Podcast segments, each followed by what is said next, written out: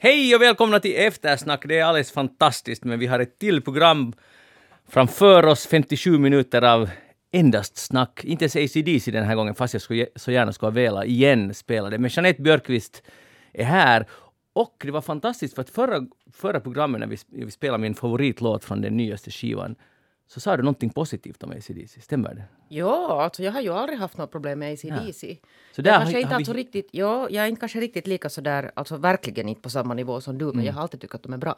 Bra, så vi har någonting gemensamt. Det var det som enade oss. Fantastiskt. Uh, Pia-Maria Lehtola är här idag, vinterns drottning. Oj, oj, Och oj. inte bara det, utan också en värdig 50-åring. Gratulerar! Oj, tack, tack, tack. Det, det känns riktigt, vad heter det, nobelt och på något sätt liksom väldigt både allvarligt och festligt att fylla 50. Man går ju igenom en, en sorts, mm, vad ska man kalla det för, ett, man inventerar i sitt liv och funderar tillbaks bakåt och sen får man mycket mera skinn på näsan.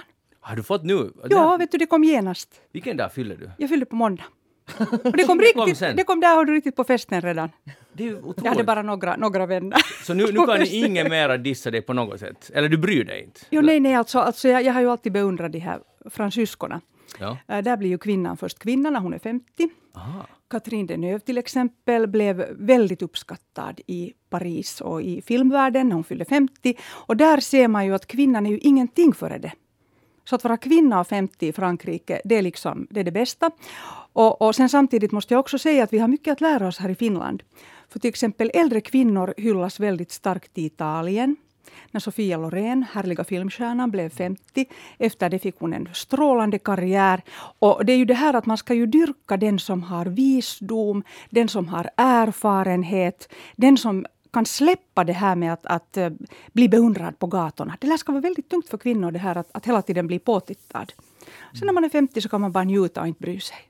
Och det har hänt allt den här veckan. Allt det här händer. hör du. Så Jag, jag är glad för din skull. Ja. Men vad ska alla unga kvinnor säga som inte visar och inte har Och de har mycket att vänta på. Alltså det, det är härligt. Alltså all, jag tror att alla människor går ju alltid och förbereder sig för vissa årtionden.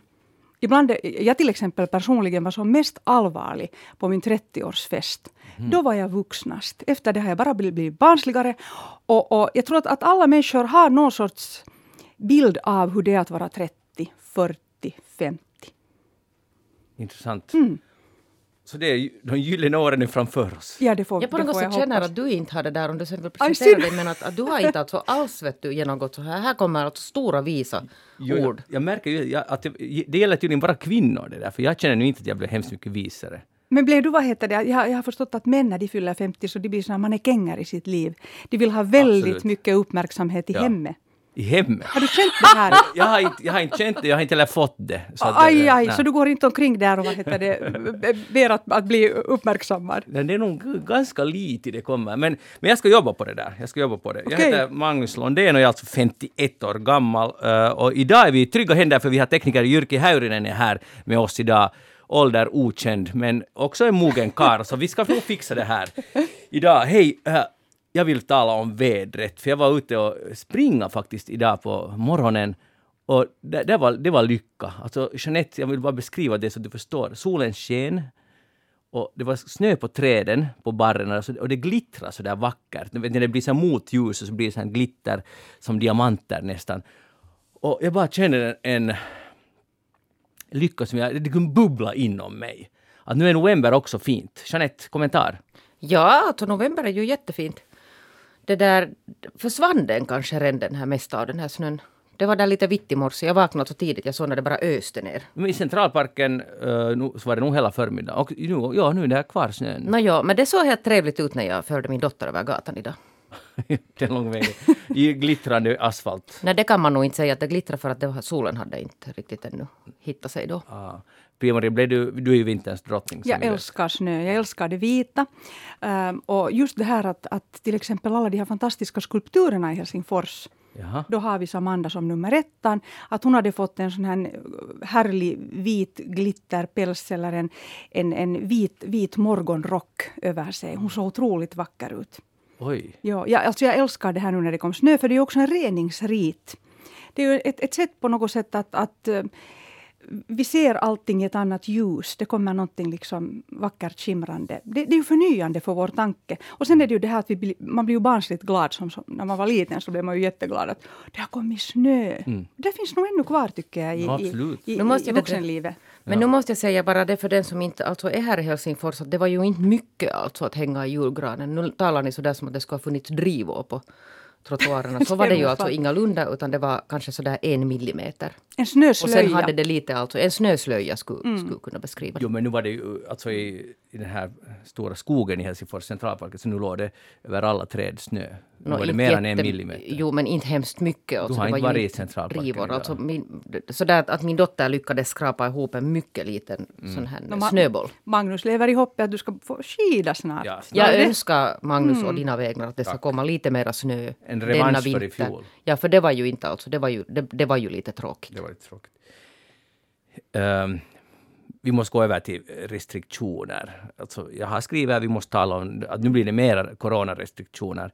Och det där, I huvudstadsregionen? I huvudstadsregionen, ja. Och, men hoppas det inte kommer någon annanstans. Eh, fler än, närmast det här att fler än 20 personer inte får träffas på publikevenemang i minst tre veckor. Och det, här det här är ett krav och inte en rekommendation. Plus att högstadieelever rekommenderas nu bära munskydd och så var det säkert andra saker också.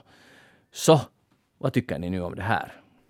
Det där, jag tycker det för att jag satt igår och var lite stressad över att vad ska det komma. Det var ju klart igår att det kommer att komma någonting idag. Och jag var rädd för att de igen ska gå in för att stänga. Det talades om offentliga inrättningar och det antyddes att någonting ska hända med de här offentliga inrättningarna, mm. alltså bibliotek och, och museer och sånt. Och nu kom det ju då att, att de drar ner, alltså de begränsar alltså sittplatser och så här, men de fortsätter hålla öppet och det tycker jag var otroligt lättande nyheter. Och det är viktigt, jag tycker att det är en bra sak. Mycket jag, jag ser, bra. För det kom nu en massa kritik att det här åtgärderna räcker inte, men jag tror på den här vägen som de nu försöker. De har testat strängare och nu testar de det här. Uh, vem vet vad som funkar, men jag, jag tror på det här. För att Ja. Men att man har en hög tröskel alltså att gå till de här, de här som, som var i våras. Ja. Men det är en väldigt kort tid, det här tre veckor. Precis. Jag misstänker att det kommer att fortsätta. Mm. Jag har följt med min, min syster som bor i Seefeld i Österrike. Där har de ju haft väldigt stränga restriktioner, utegångsförbud. Och nu har det ju varit, för en vecka sedan var det över 9000 per dag. Det var rekordet av smittfall och det är ju inte ett stort land. Så fortfarande är ju våra tal jämfört med till exempel Österrike annorlunda. Men jag har följt med henne hur hon sitter liksom då med masken i tåget på väg till Innsbruck och sen, sen får man ju inte gå ut bara då till butiken eller man får gå ut och jogga. Och barnen är ju hemma från skolan och, och hon och maken är hemma, båda två. Så att inget jobb. Nej, och det där är ju realiteter i stora delar av ja, Europa. Ja. Vi har varit så, otroligt lyckligt lottade jo, jo, jo, så därför tror jag också att vi, vi är helt glada och vi följer ju noggrant med de här restriktionerna som ju är vettiga. Mm. Förutom då att vissa konserter ställs ju in och det blir streamade konserter. Ja. Och där, där, måste man ju fundera också att, att, att är det fiffigt att ha konserter streamade, för det blir ju också en risk för till exempel en orkester som har 50 personer mm. som spelar. Att där har man kanske inte, jag vet inte. Jag tror nog man har mm. tänkt. Hoppeligen. Och, uh, samhället måste på något sätt ändå fortsätta. Och, och, våra siffrorna i Finland är ganska positiva. Och så kan man säga, jo de är positiva för att, mm, mm, och att det kommer att bli negativt om vi inte nu följer de här. Så det är klart att de här restriktionerna måste vi följa. Det tycker jag inte någon ska ifrågasätta. Men om vi fortfarande, vi, jag tycker igen att vi borde se på hur många är på sjukhus. Och det har de ju också nu sett. De säger att, att behovet av sjukvård ökar nu, nu igen. Uh, och då tycker jag att det blir allvarligt. Att om det blir, uh, nu är det bara var det 60 eller 70, det är fortfarande väldigt, väldigt lite. Det är faktiskt positiva siffror om man jämför med resten av Europa. Men att det här antalet fall, vi blir förblindade av det här att det är så så många mm. smittade varje dag. Mm. Hur många får det allvarligt? För vi har inte heller tidigare varit speciellt oroade över hur många som har allvarligt sjuka i olika luftinvägsinfektioner och vad det har nu funnits eller finns. Så, så det, det blir på det sättet lite snedvridet. Men, men om det stämmer, alltså det kommer antagligen bli så om det blir flera som är på sjukhus, då, då är det helt klart att då kan vi tala om. Men det är, vi är ännu långt ifrån vad vi var i våras. Men sen samtidigt har ju vår rädsla blivit annorlunda. Alltså jag personligen var, var jätterädd då på våren eller vårvintern. Jag tyckte det var jätteobehagligt. Sen har man ju processat det. Ja. Och det har ju påverkat, jag är ju noggrann fortfarande, men det har ju ändå påverkat inställningen. Att liksom vi, vi är kanske inte mer så jätterädda för det. Men det tycker jag egentligen är är bra. Tycker du det är bra? Jag tycker, för att rädsla, jag vet inte hur mycket positivt får vi ut av Mm. det. Rädsla kan ju förstås betyda att man håller sig inne och träffar ingen, Mm. då sprider sig det, det sig inte. Men rädsla har också massa andra effekter, så det är nog en balansgång där. Var Alltså, ni- men var- respekt kanske ja. skulle vara bättre ord. Men var det- du, var du rädd då på våren Nej. alltså? Hur var det med Jeanette? Nej. Ja, det där, är- och sen vet jag, och det är helt sant att, att det där, men jag, jag har en liten vag känsla av att ganska många fortfarande är väldigt rädda. Alltså att, att det finns många som, som sitter kvar i den här rädslan. Och det är nog som Magnus säger att, att den här rädslan är inte någon sån här särskilt alltså bra kraft. Att om man alltså går ner sig i den här rädslan för att det kan gå ganska tokigt. Jo, det talas ju jättemycket om att det här konsekvenserna av allt det här kommer att synas länge, länge. Och där tror jag att rä- rädsla är en effekt, och ensamhet är en annan, panik eller... Och, alltså det finns ju så många aspekter, ekonomiska förluster verkligen. Så allt man kan göra som lite dämpar det där, om man kan få bort sin rädsla till exempel, och tro på att det här fixar sig, så och förstås följa restriktionerna. Och då, då vill jag tala om det här munskydd nu. Man går ju omkring med nu, munskydd nu hela tiden och, och, och det där. Och jag måste säga bara att det skulle jag nog gärna och jag vet att alla andra också gärna skulle slippa det. Alltså det, det är klart man klarar det. Man kan sitta på teater med munskydd på.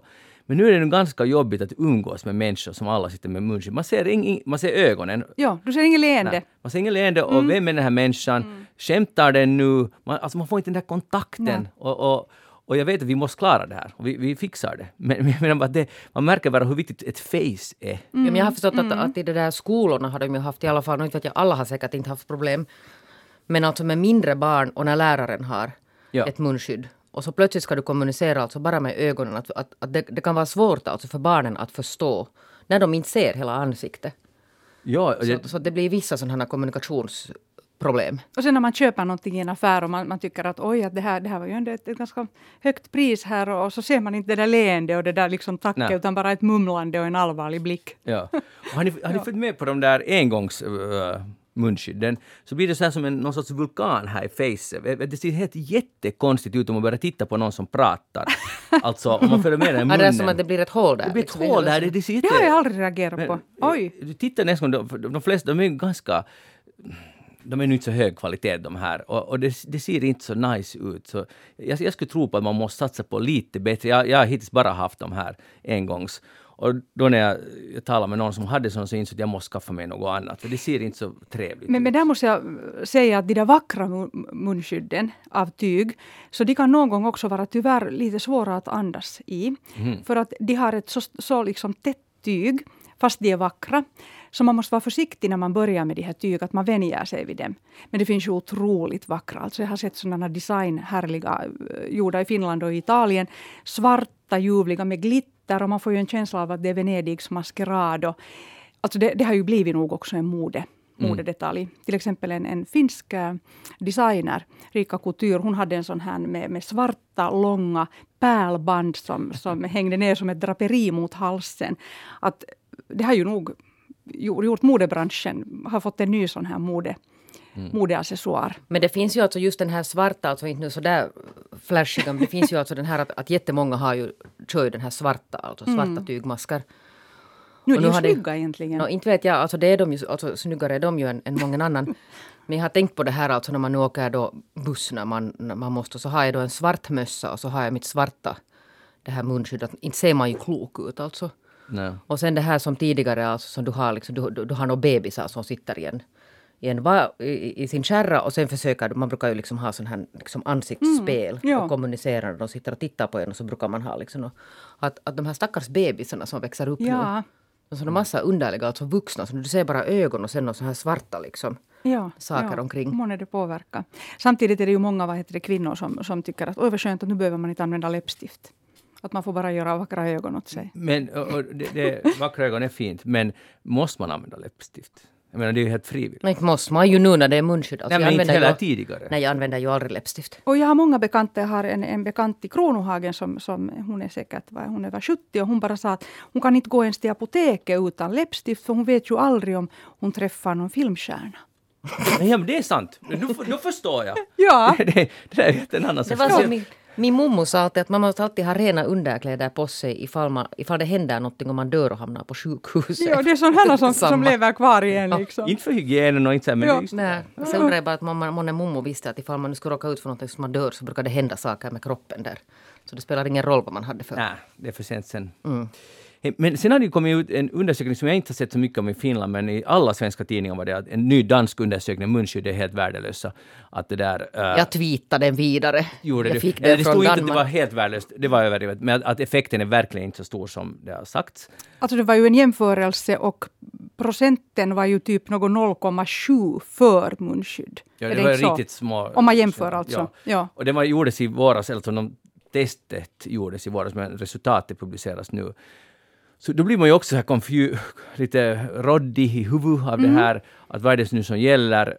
Men jag tänkte så här att, att en idé med de här munskydden är också att minska rädslan. Vet ni, att, att faktiskt är inte de facto medicinskt det, det, det, kan, det finns också undersökningar säkert som visar att det är det. Att det är viktigt också medicinskt sett och det minskar risken. Men om det här gör att vi känner oss mindre rädda och vi kan våga gå till butiken och vi inte hela, hela tiden har panik, så då är det ju bättre ändå. Alltså jag har ett exempel på det. En antikhandlare i Helsingfors och hon sa att när hon började använda munskydd, hon har också plexiglas, men när hon började använda munskydd så då, sa- då sa hon att då vågar människorna komma och köpa till hennes, hennes butik. Att det gav nog en känsla av att man vågar gå in här. Men det var ju det som någon sa, nu ska vi ta sån här, alltså just sån här som man gör nu för tiden, att, att min sanning, alltså mina observationer, så att Ja, så här är det. okej. Att det där då på våren när, när då hade ju inte nästan någon alltså använt de här munskydden.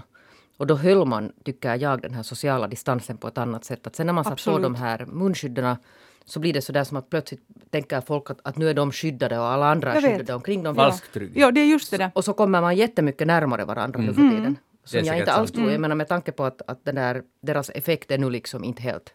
Ja. Jag håller, jag håller med att det där är just den där negativa faktorn. Och sen det här förstås att människor går och rör i sitt ansikte och sätter den på plats. Och då kommer det ju också från fingrarna sen. Ja, ja, helt Alltså så där med logiskt så, så borde det ju vara så att när alla, alltså jättemånga använder, jag tycker att eh, relativt flitigt använder folk och ändå går de här smittorna uppåt. Så att, Ja, som om du, man ifrå, du börjar ifrågasätta det. Ja, det kan vara att det funkar. det- Och sen, och sen här, man måste ja, fortfarande alltså hålla den här distansen. ja. det, det är nummer ett. Det är nummer ett. Och sen förstås eh, den här ekologiska aspekten. Att nu blir det ju en massa pappers... Så det är ju vanligaste skräpet man ser på trottoaren är Ja. använt munskydd. Det är Och det är märkligt. Som fåglar men och men, djur men hur, kan, hur kan man göra det att man lämnar? Jag kan inte förstå det. Nå. Nåja. Hej, An- Pia-Maria, jag ska fråga dig. Ja. Stämmer det att Finland alltid reser sig från ett nederlag? Mm, ja, vi är ett allvarligt folk. Vi, vi, vi, vi förhåller oss väldigt allvarligt till livet och till, på grund av kriget. Vi har måste re, eh, reagera snabbt under, under krig. Vi har varit ett litet land. Och eh, kanske det är också vår fälla att vi är för allvarliga. För idag ska du ju inte vara allvarlig. Idag ska du göra de här berättelserna och vara utåtriktad och, och, och, och skapa liksom, eh, angenäm stämning. Så jag skulle säga att inom företagsvärlden är vi för långsamma. Vi borde reagera mera på, på trender utomlands ifrån. Och sen är vi fortfarande ett folk som har dåligt självförtroende och känslan av skam. Vi känner oss alltid sämre. Mm. Jag skulle säga jo, svaret är jo. Men vi borde reagera snabbare på, på det globala. För nu har det kanaliserats ännu mera pengar, många miljoner till, eh, kanske inte många miljoner, men någon miljon till, till det här, att skapa den här positiva känslan nu hos Finland. Nu när vi är i det här coronaläget som vi är, som är, som sagt är bra i Finland, eh, men i alla fall för att vi inte ska tappa hoppet ändå. Och det där, de har gjort olika videoklipp sedan i somras, och där, där är ju en, en Lasse Wirén, ni kommer ihåg, han föll och så steg han upp och så vann han. Och det är liksom bärande tema. Så där depressionen på 90-talet och så är där eh, kriget faktiskt och alla möjliga andra kriser. Och sen vänder allt. Wirén vinner, Ahtisaari får de Nobels fredspris, guldet i Globen. Allt fixar sig. Och då är det att uppbåda igen där samma kämpaandan. Vi fixar det här och Finland fixar det alltid för vi reser oss. Och det där jag tycker det är jätteintressant och jag, alltså, när jag såg på den här videon, och den var faktiskt från i juni eller någonting, så fick jag, en- jag blev lite så här yes! Och jag, alltså, en liten tår. Och Jag kan inte förstå hur jag går på det där. Alltså det är bara bilder. Det är Wirén som faller för 50 år sedan. Och jag är yes! Men du behövde det personligen. Du, Ja. du, du behövde en känsla av hopp. Ja, ja, men jag Bara har du hopp. som människa. Ja, det är just det som är det patetiska, att Ja. jag, jag har hopp. Men jag går, gick ändå på de där bilderna. Men var det någon sorts 70-talsnostalgi också? jag vet inte vad att det du var. gick in i det Men här... du- Ahtisaari, Ja. Man ser Ahtisaari, man är yes! Men inte det är ju klokt. Nej, men nu är det ju fint. Det, det tyder ju på att du har känslor. Det, det är ju, det är ju fint. Det är ju. Ja, fint. ja. Inte det är något illa med det. Men jag måste säga att vårt land är ju Det är på det patetiskt sättet... att guld är Ja. Globen, förlåt. Ja. Ja, men vi är ju också lite som samurajerna. Att vi, är ju, vi har ju väldigt svårt att misslyckas i det här landet. Mm. Och det som vi ju, är ju fruktansvärt att vi grillar ju folk offentligt nu för tiden i den gula pressen på ett makabert sätt. Mm. Och inte bara i pressen. Att, no, nej, men, men å andra sidan liksom det här att vi, vi har ju en enorm avundsjuka i det här landet.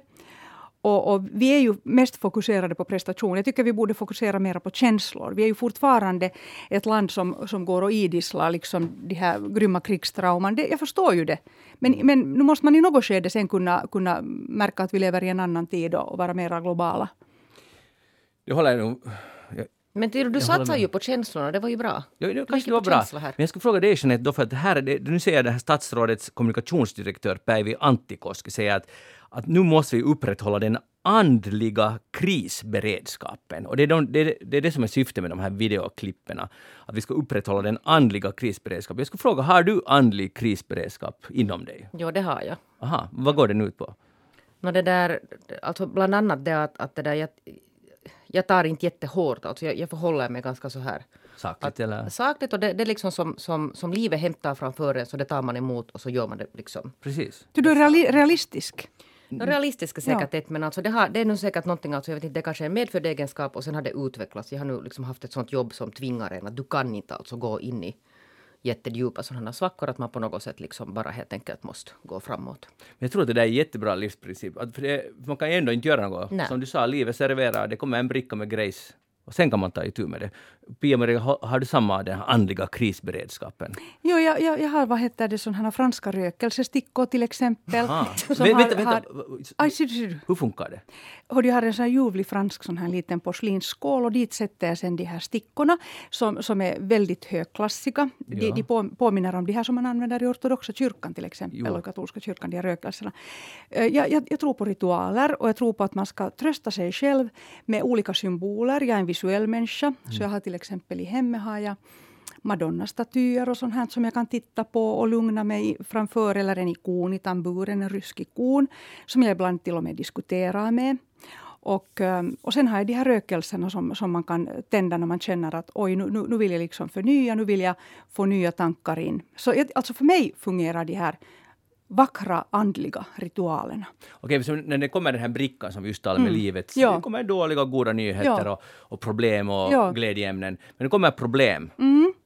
Så tänder du då en rökelse? Ja, jag gör Sätter dig det. ner, tänder en rökelse. Ja, och så funderar jag att, att varför hände det här? Varför kom den här människan nu framför mig? Och, och, och vad, vad var det här? Och, och, och så försöker jag alltid tänka att, att det kommer alltid bättre. Det kommer alltid mycket bättre saker. Det har jag lärt mig av en 80-årig dam.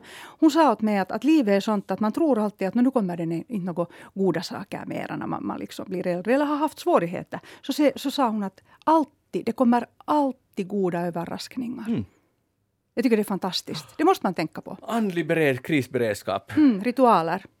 Ritualer eller bara ta itu med det när det kommer och inte oroa sig. Och lösa problemen så Sen när gott det man kan. Ja, precis. Jag jag älskar att lösa problem. Ja, jag har lite samma. Ja.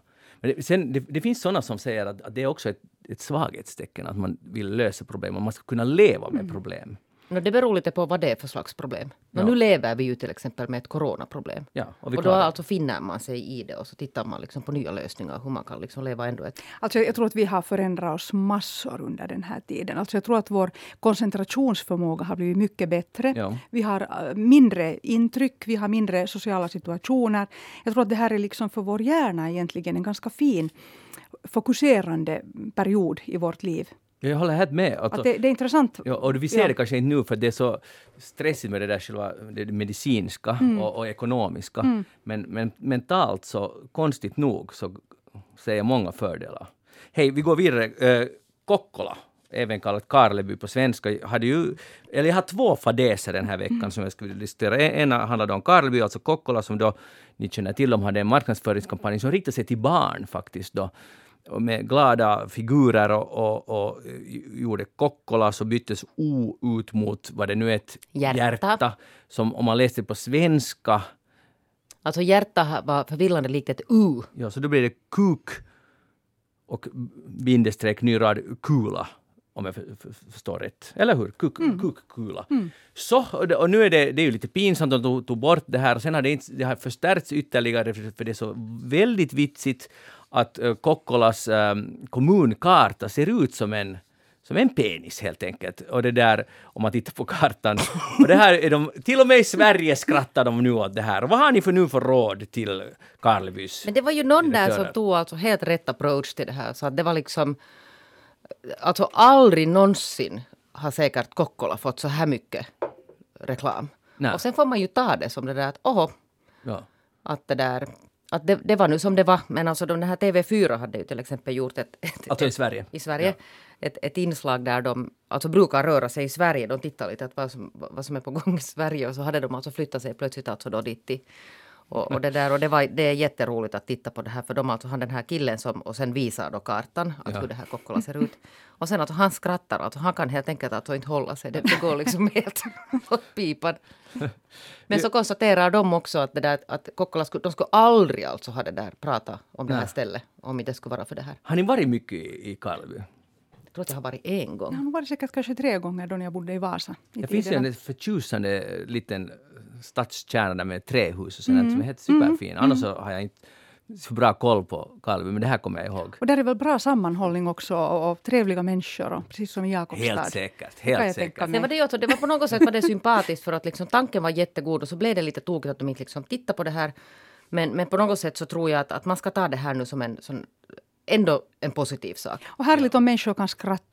Det, Ja, är liksom, då, då, det tyder ju på att då har vi det ganska bra. Och sen de där hjärtorna där, det var ju också så sött ändå på något sätt. Att det förmildrar ju och gjorde Och, det lite, och selen lite var sötare. jättefin. Jo, det var Ja. allt fint. Och det var Ja. inte någon sån pedofilisk konspiration det här, utan det bara det sket sig helt enkelt. Jo, jo. Och humor är nu enda sättet Ja. att... äh, Men intressant att man inte märkte det. Jo, det kan man ju alltid Det, det är diskutera. alltid att, att var det ändå liksom lite Det är en två- effektsökeri här. Att, mär- märkte Nej, man jag, tror, inte? vet ni, jag tror att, att när man har gjort det där själv och alltså varit inne i det där så ser inte det är först när man sätter ut det som någon med utomstående ögon kan titta på hur det ser ut. Det där. Och det är ju det att, att många finlandssvenskar säger ju också Kokkola. Alltså man läser det med O. För först förstod jag faktiskt inte den där grejen. Alltså första sekunden jag tittade på det. Men sen A, om man läser det på svenska. Så att i, alltså man kan, klart att, att det är konstigt i en tvåspråkig stad att, att ingen reagerar. Men det gick nu som det gick. Och, och, och nu De vet är alla. världsberömda. Ja, Kokkola är värld. i alla fall i Norden. Nordiskt berömda. Och andra fadäsen den här veckan, eh, det enda Trump jag tänker diskutera nu är Rudy Giuliani. ja, Den här, alltså Sony, han höll en presskonferens igår på torsdagen. Och det där, han hade då sminkat sig och han ser ju ut som Dracula för det rinner ner sådana färgade svettränder ner i facet. Det måste ha kommit från hans hår alltså. Jo, men nu nyaste tesen att, att det är från alltså att han har färgat polisongerna just före och, och så har de börjat rinna och han, han svettades all- alldeles våldsamt under den där presskonferensen. Men han måste ha, ha satt någon sorts makeup-penna. Som man sätter på ögonbrynen. Jag har till exempel nu här Men på inte ögonbrynen. makeup-penna kan inte rinna Den på det där kan, nog, sättet. den kan nog makeupen, för de, de är vattenlösliga. Det var, Men sådär alltså, det Jo, var, alltså jo, den här rännilen var ju så Jag, tydlig. jag skulle säga att jag tror inte att han har, han har använt någon hårfärg, utan jag tror att det är på riktigt med en penna som han har färgat. Alltså för den som inte har sett det så ser det ut som att någon ska alltså stå och droppa sån här brun vattenfärg så, alltså, så Ja. att det rinner alltså helt den ränner på bägge, på båda på bägge sidorna. kinderna, kinderna. Och, det där, och nu undrar kanske någon varför talar vi inte om substansen i det han sa? Och det gör jag inte för att allt han sa var strunt. Och jag tycker att det, och det är så pinsamt för hela USA och allt det där som händer så jag orkar jag inte med. Men det roliga att här igen humor, för det blev massa memes, det blev massa snack och analys av vilken eh, färg eller vad han nu egentligen använt. Och, Inte så bra reklam för den om man får... Nej, nej, i och för sig inte. Men att, för, alltså det finns ingen som kan stöka till det så mycket som herr Rudy. För att det, all, det går alltid åt pipan när han ska... Nu har han haft två helt bisarra presskonferenser. Och det tar liksom bort trovärdigheten och det är jag glad för. Alltså man står där och ser ut som Dracula, så det, det är inte så bra. Det är inte så bra. Det är karmans lag, ser du där. Vad för något? Karmans lag. Karmanslag, ja. Ja. Så är det. Jeanette Björkis, vad har du tänkt på den här veckan? Nej, hörde det där, jag tänkte alltså alldeles snabbt tänkte jag på det att det där, det kom ju besked om att Husis chefredaktör ska sluta. Ja. Och jag tar det helt alltså bara kort och säger att det väckte egentligen, alltså det som har varit lite förvånande att det har inte väckt alltså egentligen någon diskussion överhuvudtaget. Alltså inte på deras egen Facebook-sida. Där var några som hade alltså tryckt gilla eller skratta eller något sånt. Men det som däremot alltså har väckt jättemycket uh, det där engagemang på deras samma Facebook-sida var det att de gjorde en sån här... I somras kom det ju besked om att den här, ni vet den här Eskimo-glasspinnen ska byta namn. Mm. För att det anses inte vara OK att säga Eskimo mera. Nu hade då bytt namn och så hade de gjort en, en liten sån här uppföljare att nu heter den här glassen Puikko. Heter det inte pingvin? Nå, pingvin också, alltså, men ja. pingvin, Puikko är liksom den här själva liksom namnet. Ja. Nåja. Och det hade de alltså gjort och samma vecka här helt nu, nyligen en, en grej och också satt ut på sin Facebook-sida. Den har alltså engagerat. Så jag tittar att här är 339 kommentarer. Alltså människor blev helt vilda av den här Eskimo-diskussionen. Okay. Eller puikko, pinnen-diskussionen. Mm. Och det där så var jag så att hmm.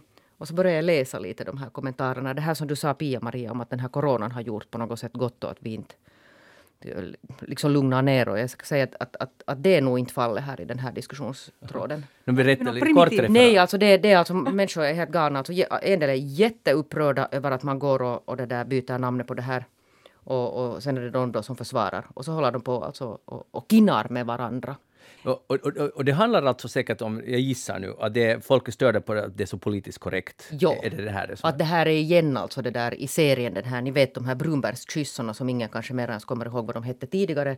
Men, men det ändrades ju för länge sedan alltså redan, så att de heter ja. nu för tiden Brunbergskyssar. Men det här är ofta åldersrelaterat också. Jag tror att det är äldre människor, kanske 60 plus, som, som vill behålla medan sen 20 plus tycker att det är helt vansinnigt just med till exempel de här kyssarna. Så de tycker att det är helt självklart att man, man, man ska ändra. Jag är inte det, riktigt säker det där. Det? Mm. Jag, jag, är mm. inte riktigt säker på att fördelar det sig nu riktigt sådär jämnt alltså med åldern. Det verkar nog som att det är lite lite hipp som happ. Men vad tycker du själv? Jag tycker nog att, det, att det stör ju inte mig på någon nivå. Jag, kan, jag, jag skulle inte kunna liksom föreställa mig att jag skulle gå in och liksom debattera alltså jättekänslosamt en sån här fråga. De bytte namn. Det, det har sagts att inuiterna alltså kan uppleva att det är kränkande. Fine, då byter vi namn. Ja. Inte, inte är det egentligen svårare än så. Nej, det är ju inte Nej. svårare än så. Uh, jag, jag förstår inte, det är intressant om man går så igång. På. 339! Jag tror att jag inte under alltså vad jag nu har tagit en titt på husets den här Facebook-sidan aldrig sett alltså någonting som väcker så här mycket. Men det är på något sätt också, det handlar tycker jag genom polarisering. Det är ju det som händer hela tiden nu och det här att vi reagerar hela tiden med den här uh, vår primitiva ryggrads och lilla hjärneffekten. Mm. Um, det, det är en sorts polarisering men sen kan det också vara ett behov av kontakt och underhållning. Ni vet barnen i sandlådan, när de kastar säga, det här sand på varandra. Jätte, det är nog inte alltså, allt det här är nog inte jätteunderhållande att läsa. Mm. Men de, nej, de här människorna vill ha underhållning. Alltså de, de, de har ingenting annat att göra kanske. De vill ha, söka kontakt på något sätt. Mm. De har tappat det här att hur man på riktigt alltså söker kontakt no, på ett konstruktivt det. sätt. No, no, det är just det. Men jag kan, nog, alltså jag kan förstå den, alltså jag förstår inte den här specifika frågan, men jag kan förstå en irritation över politisk korrekthet. För det, det är ju det, det, är ju lite, vad, ska man, vad får man nu säga, det, varje tid, i, det finns alltid, varje epok har sina, vad man, så här ska vi tycka vi som är vettiga och så här och så här. Och nu, nu, kan jag förstå att man kan bli irriterad på det och man vill gå emot det. Men sen om man tänker på det specifika fallet, hur kan man bry sig om en glasspinne? Att, att det ni kallar Eskimo, det finns en helt vettig orsak till att det inte, de, nu vill de byta. Och jag, tycker att de inuiterna måste väl få bestämma om, om de tycker att det här är inte riktigt okej. Okay. Alltså, alltså, men vet de ens om att det finns någon sån här Det kan vara att de inte vet. Och sen var någon alltså det där, och det är skitsamma alltså. Ja, vet men, men någon var ju nu sen alltså drog att man, att man skulle inte få kalla den här den här Karjala-ölen heller för Karjala för att den smakar så skit att karelarna blir sen alltså upprörda. Förstår ni att, förstår ni att det, det liksom gick in i det här? Ja, det här var ju samma. Att här är många, många sidospår i den här. Jag rekommenderar inte att man går och läser den. Också. Men det är ju extremt i vår tid. Alltså det har ju varit nu under flera år en sån här mm. boom. Så det kan ju vara att människor är trötta på, trötta på den. Men, men de, de här är ju sakliga, mm. sakliga förändringar. Låt oss istället diskutera HBLs uh, eh, chefredaktör. Ja, ja det är ju... som ingen verkar vara liksom sådär särskilt intresserad av. Jag tycker det är en jätteintressant fråga. Vem ska bli ny? Vart ska, vart ska, vart ska tidningen gå? Vad, vad skulle du, Pia-Maria, Pia vilja ha husets nästa chefredaktör? Eh, jag skulle vilja ha en, en mycket uh, kulturhistoriskt kunnig person. Mm. En person som har bred syn, inte fokuserar för mycket på politik och sport utan kultur, mänsklighet och um, på något sätt uh, välmående. Mm. Så en modern, en modern ledare. Ja, det där vet precis vad jag skulle vilja ha dit. Jag skulle vilja ha alltså någon sån här stark, som står alltså på en stark journalistisk grund och har alltså trovärdighet som journalist. Uh, och sen alltså också är lyhörd för att det är klart att det finns andra behov också på en, på en sån plats.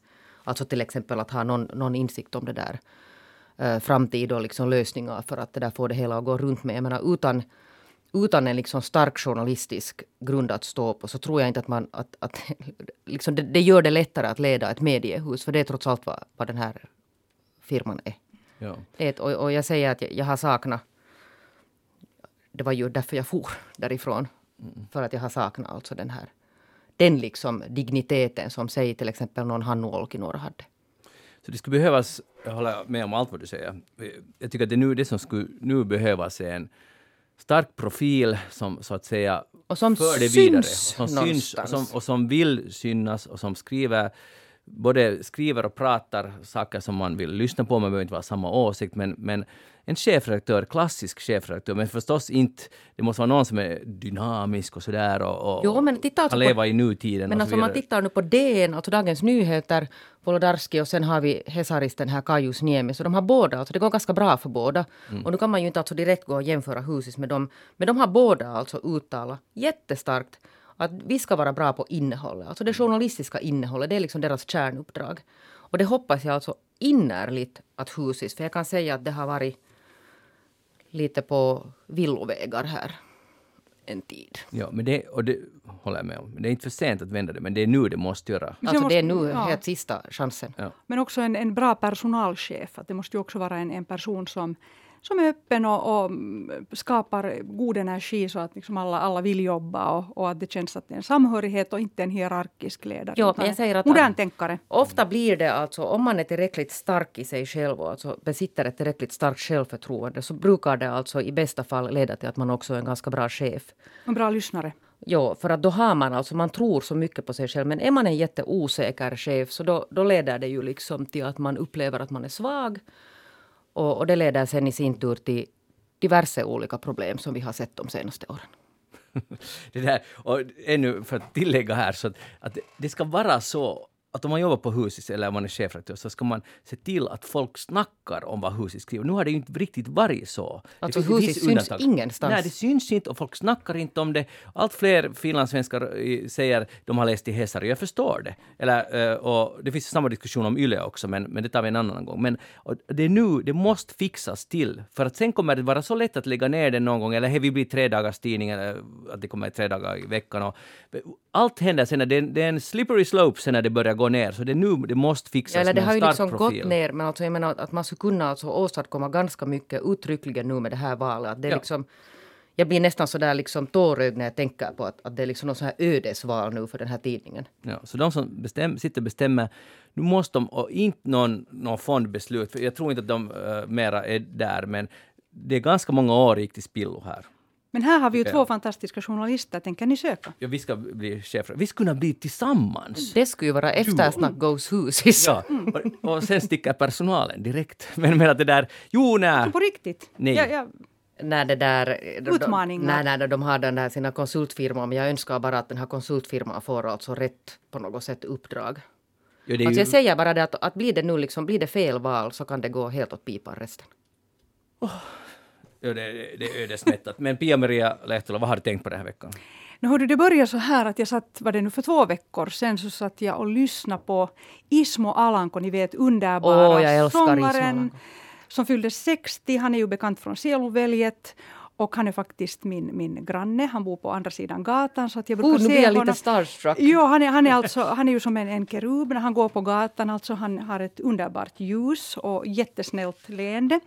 Och så tittade jag då på hans eh, konsert live från eh, Helsingfors rockklubben Tavas, Tavastia. Som var, var helt otroligt. Alltså han var ju ensam Han är så där. karismatisk. Ja, med filmgruppen. Ja. Och liksom, han kunde dra det här live ensam utan publik. Och man satt ju och spände sig hemma. Att, Oj nej, att hur känns det för honom? Att varifrån får han den här urladdningen eftersom publiken inte är på plats? Och jag blev bara mer och mer trollbunden och jag har ju min man är jazzmusiker så jag fick liksom övertala honom lite att fortsätt nu titta på det här. Att, han sa att jo, det är inte riktigt hans musiksmak men, men han blev sen också så fascinerad av den här urkraften som Ismo Alanko har. Det är en sorts galen kraft, det är en känslig kraft, det är en, en kraft, han bryr sig inte alls om vad andra tänker utan han, han kommer riktigt ut med, med, med också med, med trauma, med, med, med sorg, med rädsla. Också med de här mörka sidorna, till exempel döden. Att han, han sjöng om, om gravgårdar och, och, och liksom hur det känns när ens, ens vän är, är under stenen. Och, och allt det här. Och, då, och, den här tanken funderar jag mycket på. att Varför blev jag så fascinerad av honom? Att han, han gav åt mig en urkraft. Jag, flera dagar gick jag och bar på den här känslan. Han är ju också jätte, jätte bra ut och så här. Han är ju så här väldigt slank och, och, och har djupa ögon. och liksom han, är, han, är, han är fascinerande Jag är helt man. med här. Ser du, ja. ser du, känner, ja. du har samma smak? Ja, ja, ja. ja. Och, och, och, så funderar jag på det här att mm, det finns ju ett uttryck, God's fools, de här vad är det på svenska, de här uh, gudomligt galna människorna, de här konstnärliga. Det måste finnas såna i ett samhälle som kanaliserar ut på något sätt liksom den där landets världssmärta eller själ. Eller, han är ju från östra Finland, jag vet inte om han har på något sätt den där liksom karelsk östra mentaliteten på något sätt i sig liksom medfödd.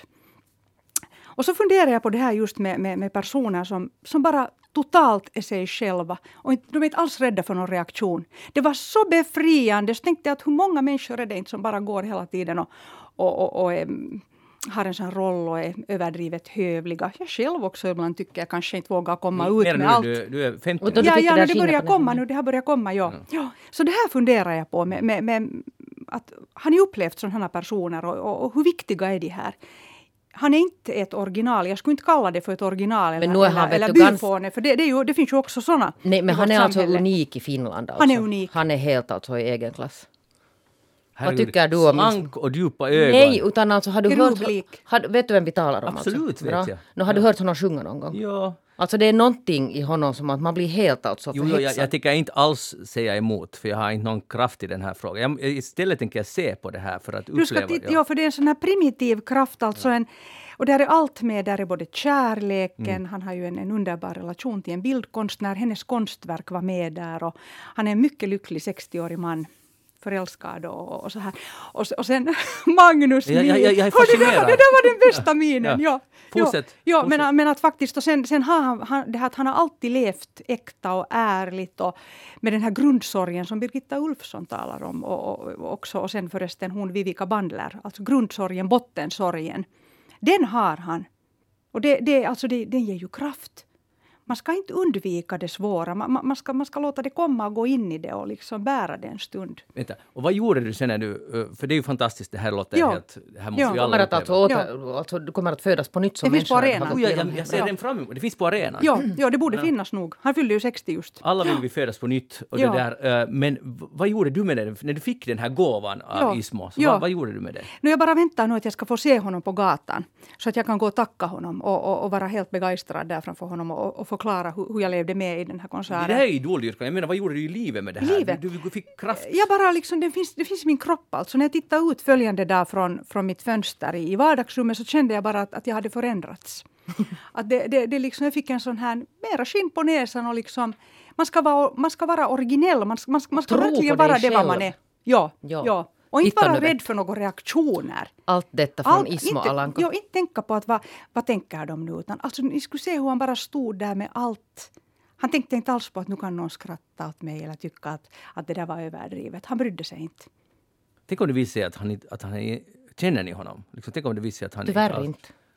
Okej, okay, jag ska inte ens försöka. Men alltså det, här, det, vet du, det, här, och det här påverkar mig så, så mycket också att jag var så lycklig att jag bor ifrån honom några meter. Så att jag kan känna den där urkraften som han har. Att, att, att, alltså jag, jag är helt alltså, jag är så fascinerad.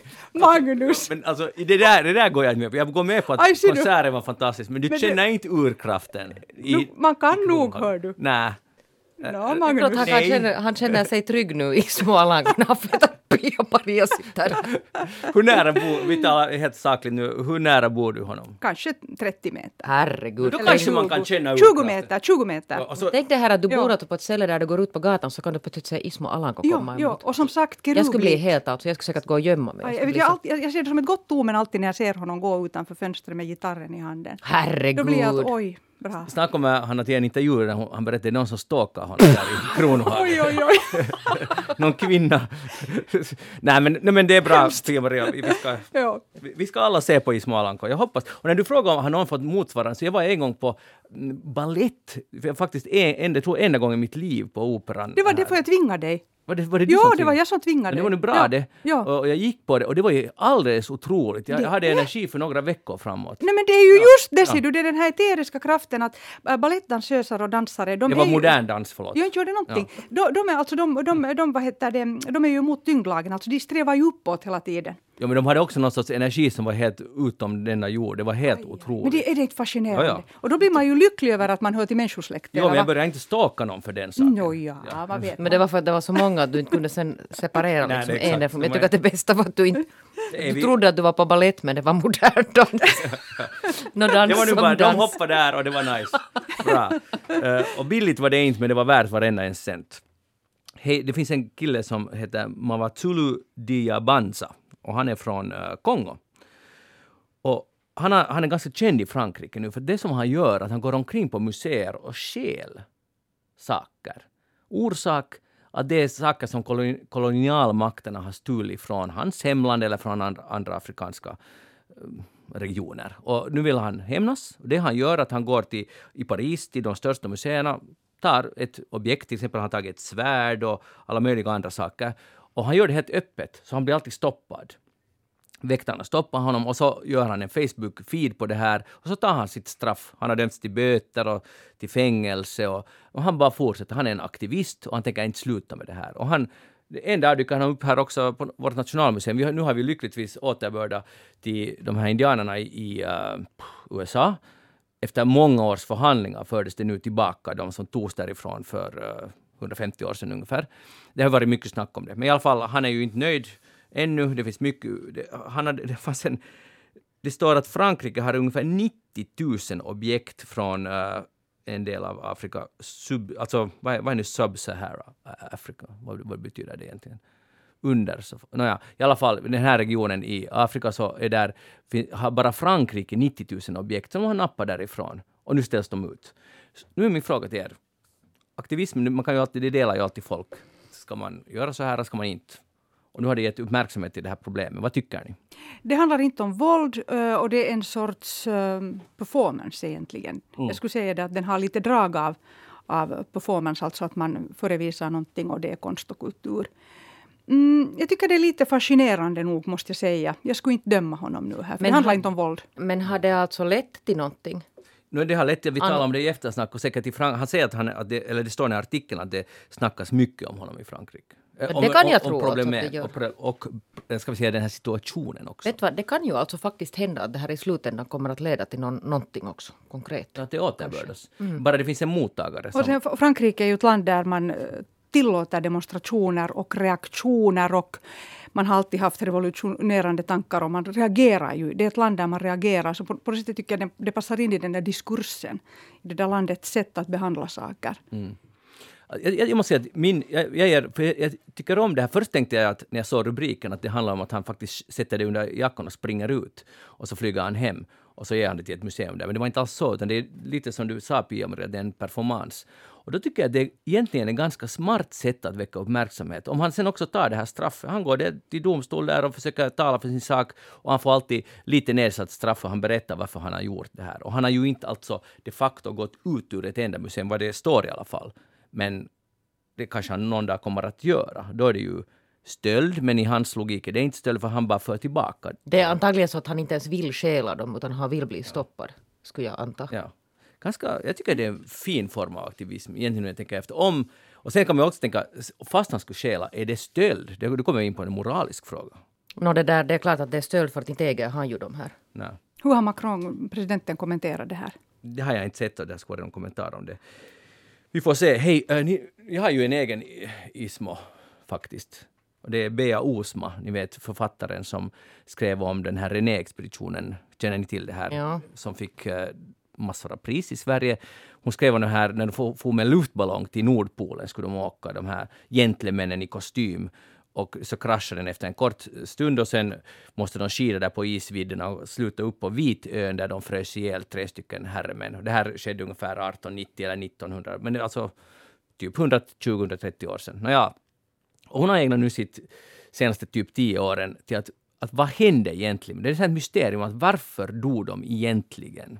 Och det, är här, det är ett jättestort mysterium. Hon är nu den överlägset största experten och, och, och jag älskar hennes passion för att hon ger inte upp. Hon, vill, hon har skrivit en bok om det som är, inte bara i princip, utan den bästa faktabok som existerar på denna planet. Och den lönar sig för alla att läsa, för där finns passion och också välskrivet. Det är helt outrageous den här boken. Men nu, och så skulle man tycka att nu då gör hon upp sen. Nu, eller inte, att hon slutar. Hon skriver en bok och eh, fått reda på allt och hon, och har turnerat och hon är eh, dyrkad i alla fall i hela Norden. Det skulle räcka med det. Men nu har hon hittat, en av de här killarna som dog där skrev dagbok, inne i hans ärm under jackan fanns det då en eh, dagbok med, som hade möglat och som har funnits på ett museum sedan 1931. Och då har de tittat på sidorna. Det går, inte, det går inte att läsa vad det står på de här sidorna, för allt har liksom möglat och klibbat ihop. Och nu med ny teknik så kommer man komma underfund med, och det är extremt, alltså det är så i detalj, detalj det står så här.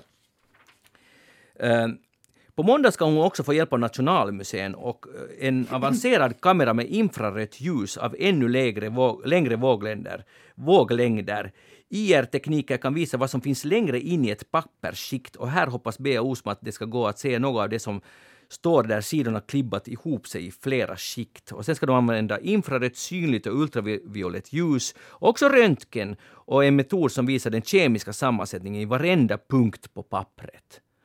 För det är det hans sista anteckningar i dagboken. Fascinerande. Det kan lösa det här mysteriet. Alltså det är ju helt otroligt. Ja. Går du igång på jo, det här? Jo, alltså jag började tänka att det här är ju nästan som något vet du, övernaturligt nästan. Det här är ju helt otroligt. Alltså. Men när ska hon gå dit till det här nu och göra allt det här då? Allt händer. Hon har redan läst en del, men hon, hon har inte nu hon, jag skulle räkna med att hon skriver så en det, ny är alltså, det, det, det, betyder alltså att det finns, alltså att det faktiskt går att få ut information? Ja, hon har fått redan en del och det ska nu fortsätta nu på måndag. Och jag är världen... så lycklig för henne för att det här alltså uppenbarar sig, den här alltså möjligheten ännu. Jo. Och det kommer säkert att vara väldigt liten och sirlig text. Jag har läst min mormors dag, dagböcker som är skrivna med minimal, minimal text för att få det att rymmas. Jag vet inte hur stor den här dagboken är men det kan ju vara väldigt svårtytt också, också handstilen. Ja. Och det kan ju hända att där nu inte finns svaret. Nej, alltså men om att... det finns så mm. är det men i alla fall alltså någon slags den här att hur, vad var det som föregick den här alltså? Precis. Och de har antagligen blivit attackerade av en isbjörn i ett skede där, för det, det kommer fram, det har hon liksom lyckats pussla ihop. Och sen, men det finns en sida i den här boken när, när den, den som antagligen då levde sist av dem, han sitter med geväret i fampun. sitter han lutad mot en klippa där. Det är alltså på Vitön som är långt, långt borta från all, eller så långt att det var omöjligt att någon skulle hitta dem. Och när hon beskriver den här, vad han måste ha tänkt, för han visste ju, alltså då tänkte jag, det var första gången jag förstod på ett sätt döden. Alltså för den här, man sitter, man är helt ensam i världen. Alltså både mentalt men också helt konkret fysiskt. Det finns ingenting någonstans. Det är bara, det är bara, en, det är bara en vit ö och det är allt bara vitt. Och du är där och det är slut. Och man lever ännu, man kan tänka tankar. Uh, ja, det var, alltså inte kan jag säga att jag förstod döden, men jag förstod hur ensamt det måste ha varit. Det var alltså helt, den där ena sidan i boken är den starkaste upplevelsen jag har fått av litteratur. Och det var är, bara är det inte fakta. fantastiskt? Men är det fantastiskt? Ja. Alltså det, det, det, påverkar ju din livslinje och ditt, ditt sätt att se på, på livet och döden. Ja. Varje dag. Så är det. Men så vi får se vad hon kommer fram med. Jag hoppas hon ger ut en bok och säljer otaliga mängder och blir rik på det, för det är hon värd. Hej, eh, diamant, använder ni mycket diamanter i livet? Det kan man ju verkligen inte påstå. Har du någonsin haft en diamant? Nej. Pia? Ja, vänstra, vänstra eh, ringfingret fullt med diamanter. En från Paris, en från uh, min, min vad heter, vigselring och sen en liten diamantring som jag fått av min mamma. Jag går med diamanter dagligen. Varifrån är diamanterna ursprungligen? Det vet jag inte. Mm. Hoppas de är från Jakutien. Mm. Det skulle vara bra. Men det, det finns ju många problem med diamantutvinning. Men nu är goda nyheter. För nu har forskare lyckats uh, fixa fram, för diamanter kräver alltså typ 150 miljoner år och extremt höga temperaturer och extremt tryck för att det ska liksom bli en diamant. Men nu har man fixat det i rumstemperatur på några, några dagar. Oj, så tråkigt. Ja, det, men det är just Väldigt prosaiskt. Så säger du. Ja. Men, men nu- i laboratorieförhållanden kan man nu har man lyckats framställa diamanter. Och jag skulle nu fråga dig, Pia-Maria, jag fick redan svar att du tycker inte alls att det är någon god nyhet. Nej, och sen, vad heter det, kommer ju att påverka priset. Ja, men Nå, är det inte en det, god det är sak? kanske positivt. Att, att, ja, det kan vara bra för priset, men nå, det är nog svårt att säga. Nu tycker jag ju om modern teknik också. Om de är lika vackra. Stämningen är ju en annorlunda förstås. Det blir lite instant, som pulverkaffe. Ja, precis. Mm. Men då kommer det, det kommer fortfarande vara det här de som har riktiga diamanter som du och sen Jeanette och jag som har inte fake men laboratoriediamanter. Skulle du Jeanette börja använda om det skulle vara liksom förmånligt? Nej, vet du, jag är inte en sån här, jag är inte en sån som använder något sånt. där. diamanter. Är, är diamanter dyrt? Jag vet det här är en konstig fråga men alltså, är det så där dyrt som man skulle tro, som det låter? Eh, nu är de ganska dyra. Alltså en liten diamant kan faktiskt vara helt förmånlig. Man kan väl få en diamantring med en liten diamant för kanske två, 200 euro tror jag. Okej. Och sen idag använder man ju väldigt mycket zirkoner och bergskristaller. Som jag tycker också är väldigt vackra och de har också den här lysten. Men de är ju inte äkta diamanter. De är inte så hårda som den riktiga diamanten. Men varför är diamanter så... Efter, vad, är, vad är grejen? Alltså, alltså de glimmar ju. Det, det, där, alltså det är ju helt ljuvligt. Ibland när jag går in i hissen och där är starkt ljus där i hissen så, så glimmar det till på vänstra fingret. och vad tänker du då? No, det är ju härligt. Det blir ju en sån känsla av att, att oj, livet är ju så vackert och underbart. På grund av den här diamanten? ja, Men absolut. det, finns nog, så, det finns så många alltså, etiska problem med den här diamant, alltså den där industrin. ja, det, är, det är inte någon Så- trevlig industri. Men Nej. köp vintage-diamanter. Vad är det? Såna som, som till exempel ringar från 1800-talet. Ja, Mm. De är säkert jättebilliga. Nej, det är de inte. No, men om man nu ändå sätter liksom, vet du, sina pengar på, sprätter iväg dem på diamanter så. Men ännu, ännu Jeanette, kan du, du, du, du sa bara att du är inte sån. Nej. Vad är det som... Jag kommer inte att bli sån heller. Nej, jag vet. Men, Men jag är inte, sån här, jag är inte alltså någon sån här smyckesmänniska. nej. Nej. Har du, du har bara det här yllekortet runt halsen just Ja, det är ganska fint tycker jag. Du, när du går på någon fin fest har du inget runt halsen? Nå, om jag riktigt vill fästa till det så har jag ju ylekortet runt halsen.